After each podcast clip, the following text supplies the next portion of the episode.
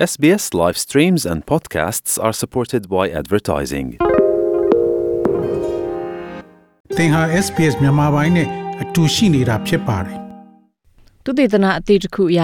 2050ပြည့်နှစ်လောက်ကြာရင်ကမ္ဘာပေါ်မှာ dementia ဝေဒနာတဲ့သုံးဆပိုများလာပြီးတော့လူဦးရေ153တန်းလောက်ခံစားရနိုင်တယ်လို့ရေးထားတဲ့ဆောင်းပါးကိုတင်ဆက်ပေးမှာဖြစ်ပါတယ်။ နိုင်ငံတိုင်းနိုင်ငံတိုင်းမှာ dementia ဝေဒနာတွေပိုများလာဖို့ရှိနေပြီးအထူးသဖြင့်မြောက်အာဖရိကနဲ့အရှေ့အလယ်ပိုင်းဒေသမှာဖြစ်ပြီးတော့အာရှပစိဖိတ်နဲ့အနောက်ဥရောပမှာအနည်းဆုံးဖြစ်မယ်လို့ခန့်မှန်းထားကြပါတယ်။ဩစတြေးလျအစိုးရအနေနဲ့ဒီကိစ္စကိုကင်တွယ်ပြီးကုသနိုင်တဲ့အထည်ဖြစ်လာစေဖို့သူတေသနလုပ်ငန်းတွေကိုအားပေးအားမြောက်ပြုဖို့နဲ့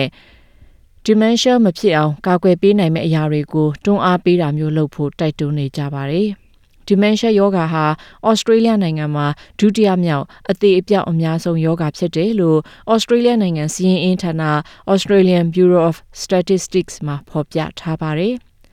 dementia ယောဂါဆိုတာမှတ်ဉာဏ်တွေတဖြည်းဖြည်းယိုယွင်းလာတာပါဝင်ပြီးအဲ့ဒီဝေဒနာကြောင့်2019ခုနှစ်အတွင်းကမ္ဘာပေါ်မှာ Australian dollar 1.8 trillion ဒါမှမဟုတ် American dollar 1.3 trillion ကုန်ကျမှုဖြစ်စေပါတယ်။ Lancet Public Health Journal မှာဖော်ပြထားတဲ့လေ့လာမှုအရနိုင်ငံပေါင်း195နိုင်ငံကျော်ကအသက်40ကျော်သူတွေကိုလေ့လာခဲ့တာဖြစ်ပြီး dementia ဝေဒနာဖြစ်နိုင်ခြေကိုလေ့လာမှုလုပ်ခဲ့ကြတာပါ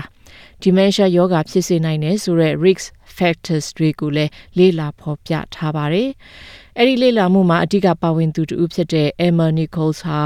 Washington တက္ကသိုလ်ကဖြစ်ပြီး2050ခုနှစ်လောက်ကြာရင်ကမ္ဘာပေါ်မှာ dementia ဝေဒနာတဲ့ အခုထက်3ဆပိုများလာပြီး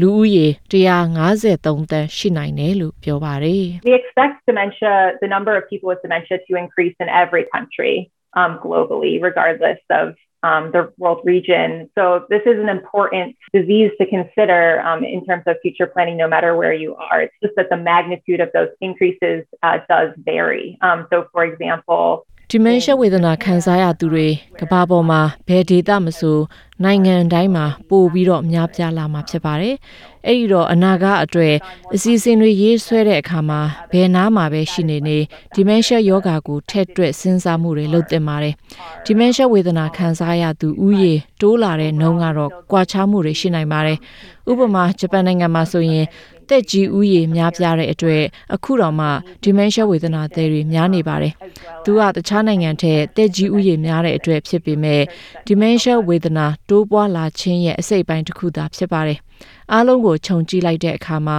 dementia ဝေဒနာသည်တွေများလာမှာဖြစ်လို့သူတို့အတွက်လိုအပ်မယ့်အရာတွေကိုကြိုတင်ပြင်ဆင်ထားဖို့လိုအပ်ပြီးမဖြစ်မနေမဆိုးဝါးခင်ကတည်းကဆက်စောစီစီအဆင်ပြေအောင်လှုပ်ဆောင်ပေးတာတွေနဲ့သူသေသနာတွေလုပ်ဖို့လိုအပ်တယ်လို့ပြောဆိုခဲ့ပါတယ်။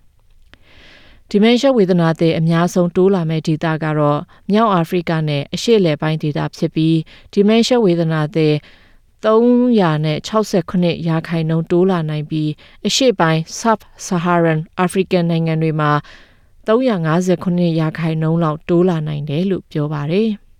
။အာရှပစိဖိတ်ဒေသမှာတော့ dementia ဝေဒနာတဲ့တိုးလာမှုကအနည်းဆုံးဖြစ်ဖို့ရှိပြီး53ရာခိုင်နှုန်းသာတိုးလာမှာဖြစ်ပြီးအနောက်ဥရောပမှာတော့84ရာခိုင်နှုန်းအထိတိုးလာနိုင်တယ်လို့ဆိုပါတယ်။လူဦးရေတိုးပွားလာတာတွေနဲ့ တက်ကြီးဥယျာဉ်များပြားမှုတွေက dementia ဝေဒနာတဲ့ကိုပိုများပြားစေတဲ့အကြောင်းရင်းတစ်ခုထဲပါဝင်တယ်လို့ Miss Nichols ကပြောပါတယ် The projections in, in the in North Africa and the Middle East were were quite large, um, and this was due to um, large increases both in population growth and population aging. And so these two demographic factors um, in particular in that region drove these large anticipated increases. မြောက်အာဖရိကနဲ့အရှေ့အလယ်ပိုင်းဒေသမှာခန့်မှန်းခြေအရ dementia ဝေဒနာတဲ့ဥယေအများကြီးပိုများလာနိုင်ပြီးအဲ့ဒီလိုဖြစ်ရတဲ့အကြောင်းရင်းတစ်ခုကတော့လူဦးရေတိုးပွားမှုကြောင့်နဲ့တက်ကြီးဥယေတွေများပြားတဲ့အတွက်ဖြစ်ပါတယ်။အဲ့ဒီလိုအဓိကအကြောင်းရင်းနှစ်ခုကအဲ့ဒီဒေသနှစ်ခုမှာရှိနေတဲ့အတွက် dementia ဝေဒနာတဲ့များလာမယ့်အနေအထားရှိနေတာပါ။အဲ့ဒီတော့ အဲ့ဒီလိုနိုင်ငံကအစိုးရတွေအနေနဲ့ရောဒီ policy ရေးဆွဲတဲ့သူတွေအနေနဲ့ဘယ်လောက်အထိ dementia ဝေဒနာခံစားရနိုင်တယ်လဲသူတို့ကိုဘယ်လိုနေရာမျိုးမှာနေထိုင်စေသင့်တယ်လဲစသဖြင့်အနာဂတ်အတွက်ကြိုတင်အစီအစဉ်ရေးဆွဲရမှာဖြစ်တယ်လို့ပြောပါတယ်ကျမရေး campaign ကနေတဆင့်ပညာပေးလုပ်ငန်းတွေလုပ်ကင်လို့ dementia ဝေဒနာတဲ့ဥယျာဉ်ကြီးထွားမှုတွေကိုဟန့်တားမှု အနှဲငယ်ဖြစ်စေနိုင်တယ်လို့ပြောဆိုပြီး2050ပြည့်နှစ်လောက်မှာလူဦးရေ6.2သန်းကို dementia မဖြစ်အောင်ရှော့ချပေးနိုင်မယ်လို့ပြောပါတယ်။ကျမရေး campaign တွေပညာပေးမှုတွေကြောင့် dementia ဝေဒနာဖြစ်ပွားမှုဦးရေကို အနည်းငယ်ရှော့ချနိုင်တယ်ဆိုပေမဲ့ကဘာပေါ်မှာအဝလွန်ခြင်းတွေစီးချိုသွေးချိုယောဂါနဲ့ဆက်လက်တောက်သုံးသူဦးရေများပြားနေဆဲဖြစ်ပြီးအဲ့ဒါတွေက dementia ဝေဒနာကိုဖြစ်စေနိုင်လို့လူဦးရေ6.8တန်းလောက်ပိုအဖြစ်များလိမ့်မယ်လို့လည်းတစ်ဖက်မှာခံမှန်းထားကြပါတယ်။ dementia ဝေဒနာဟာတက်ကြီးတွေမှာပိုအဖြစ်များပေမဲ့လည်းလူနေမှုဘဝကိုပြောင်းပြီးတော့ dementia အဆင့်အထိဖြစ်မသွားအောင် အခြေအနေကို ထိမ့်သိမ့်တာမျိုးတွေလုပ်နိုင်တယ်လို့လည်းဆိုပါတယ်။2020ပြည့်နှစ်တုန်းက Lancet Commission ကနေထုတ်ပြန်ချက်အရ dementia ဖြစ်စေနိုင်တဲ့အချက်12ချက်ကိုစောစောစီးစီးကင်တွယ်ဖြေရှင်းနိုင်ရင်တော့ dementia ယောဂဖြစ်ပွားမှုကို40ရာခိုင်နှုန်းအထိနှောင့်နှေးမှုလုပ်နိုင်တယ်လို့ပြောဖော်ပြထားပါတယ်။အဲ့ဒီ12မျိုးကတော့ပညာအရေးချင်းနှဲပါမှုကိုမြင့်တင်ပေးနိုင်ရင် သွေးတိုးမှုကိုလျှော့ချနိုင်ရင်အကြအယုံချို့တဲ့မှုဆစ်လိတ်တောက်သုံးခြင်းလူလဘဝမှာအဝလွန်ခြင်းစိတ်ကြခြင်းစီးချိုယောဂါရှိခြင်းခန္ဓာကိုယ်လှုပ်ရှားမှုနှဲပါခြင်းလူမှုဘဝအထီးကျန်ခြင်းအရက်သေးစာအတော့လွန်ခြင်းခေါင်းမှာဒဏ်ရာရရှိခြင်းနဲ့လေထုညဉ့်ညံမှုတွေကိုရှော့ချနိုင်ရင်ဖြစ်နိုင်တယ်လို့ပြောဆိုထားပါတယ်။ Dementia Australia အဖွဲ့ကအကြံပေးပုဂ္ဂိုလ်တွဲဘက်ပါမောက္ခ Michael Woodward ရဲ့အဆိုအရပညာပေး campaign တွေများများလုပ်နိုင်ရင်ထိရောက်မှုရှိတာကိုတွေ့ရတယ်လို့ဆိုပါတယ်။ Australia အနေနဲ့2050ပြည့်နှစ်အထိ dementia ဝေဒနာခံစားရသူလူဦးရေ အယောက်သန်းအထိရှိမလာဖို့ကိုရည်ရွယ်ပြည့်မှတ်ထားပြီးတော့လှုံ့ဆော်တဲ့တယ်လို့အကြံပြုထားပါတယ်။ Public health campaigns about protecting your brain Uh, as I said, we had similar ones a few decades ago about the importance of physical fitness, but we could have a more general program about the importance of mental activity, physical fitness, a good diet, the so-called Mediterranean diet, which many of your listeners would be well aware of, is very important for uh, brain health and, and heart health and indeed general health. So if we could တင်းရဲ့အုံနောက်ကိုကာကွယ်နိုင်မဲ့ကျန်းမာရေး campaign မျိုးဖြစ်ပါတယ်။လွန်ခဲ့တဲ့ဆယ်စုနှစ်အနည်းငယ်1980ဝန်းကျင်လောက်တုန်းကကိုခန္ဓာလှုပ်ရှားမှုကအရေးကြီးတဲ့အကြောင်း campaign တွေလှုပ်ဆောင်ခဲ့ကြပါတယ်။ဒီတစ်ချီမှာတော့စိတ်အနေအထားကိုခန္ဓာကျန်းမာတန်ဆွမ်းမှုနဲ့အာဟာရနဲ့ညီညွတ်တဲ့အစားအစာကိုစားဖို့အရေးကြီးတဲ့အကြောင်းအထွေထွေအစီအစဉ်မျိုးကိုချမှတ်လှုပ်ဆောင်နိုင်ပါတယ်။ Mediterranean diet မြေထဲပင်လယ်ဒေသကအစားအစာတွေဟာသောရရှင်တွေအားလုံးသိကြတဲ့အတိုင်းအုံနောက်ကျမ်းမာရေးနှလုံးကျမ်းမာရေးတာမကအထွေထွေကျမ်းမာရေးအတွက်အင်မတန်ကိုအရေးပါတဲ့အစားအစာမျိုးဖြစ်ဖြစ်ပါတယ်။အဲ့ဒီလိုအစားအစာမျိုးကိုပိုစားပေးဖို့တိုက်တွန်းမှုလုပ်နိုင်ရင်တော့အပြောင်းလဲတွေဖြစ်လာစေနိုင်ပါတယ်။ dementia ဝေဒနာတွေတွေအများအပြားရှိနေတဲ့လူမှုအတိုင်းဝိုင်းရဲ့အနေအထားက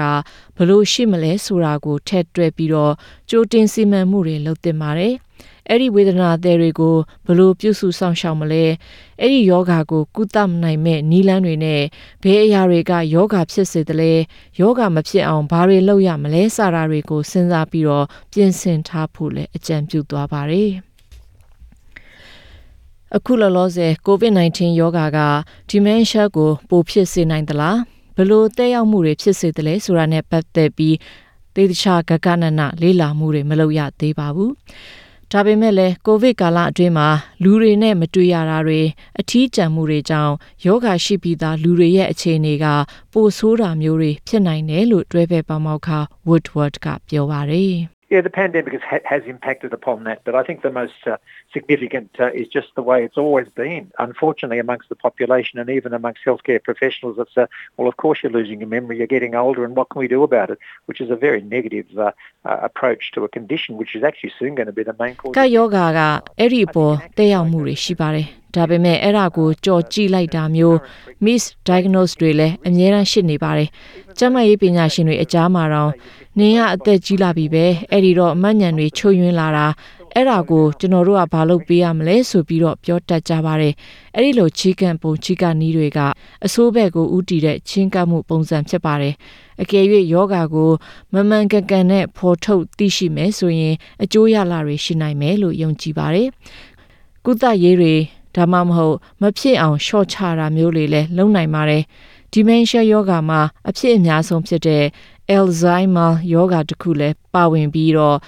အဲ့ဒီ Alzheimer ဖြစ်ပြီဆိုတာနဲ့နောက်ကျလွန်ပြီလို့ယူဆတတ်ကြပါတယ်။တကယ်တော့ Alzheimer အခြေအနေပိုမဆိုးအောင်နှောင့်နှေးအောင်လှုပ်ဆောင်နိုင်တဲ့အကြောင်းထောက်ပြပြောဆိုခဲ့ပါတယ်။ သောရရှင်များရှင်အခုလောလောဆယ်ဩစတြေးလျနိုင်ငံမှာလူဦးရေ9သိန်းလောက် dementia ဝေဒနာခံစားနေရပေမဲ့အဲ့ဒီအထက်ကတဝက်လောက်သာမှန်ကန်စွာယောဂဖော်ထုတ်နိုင်ခဲ့တာဖြစ်တယ်လို့ရေးထားတဲ့ဘီဝါခွန်ရဲ့ဆောင်းပါးကိုတင်ဆက်လိုက်ပါရရှင်။ SPS မြန်မာပိုင်းကို Facebook ပေါ်မှာ like ရှာပြီး like မျှဝေမှတ်ချက်ပေးပါ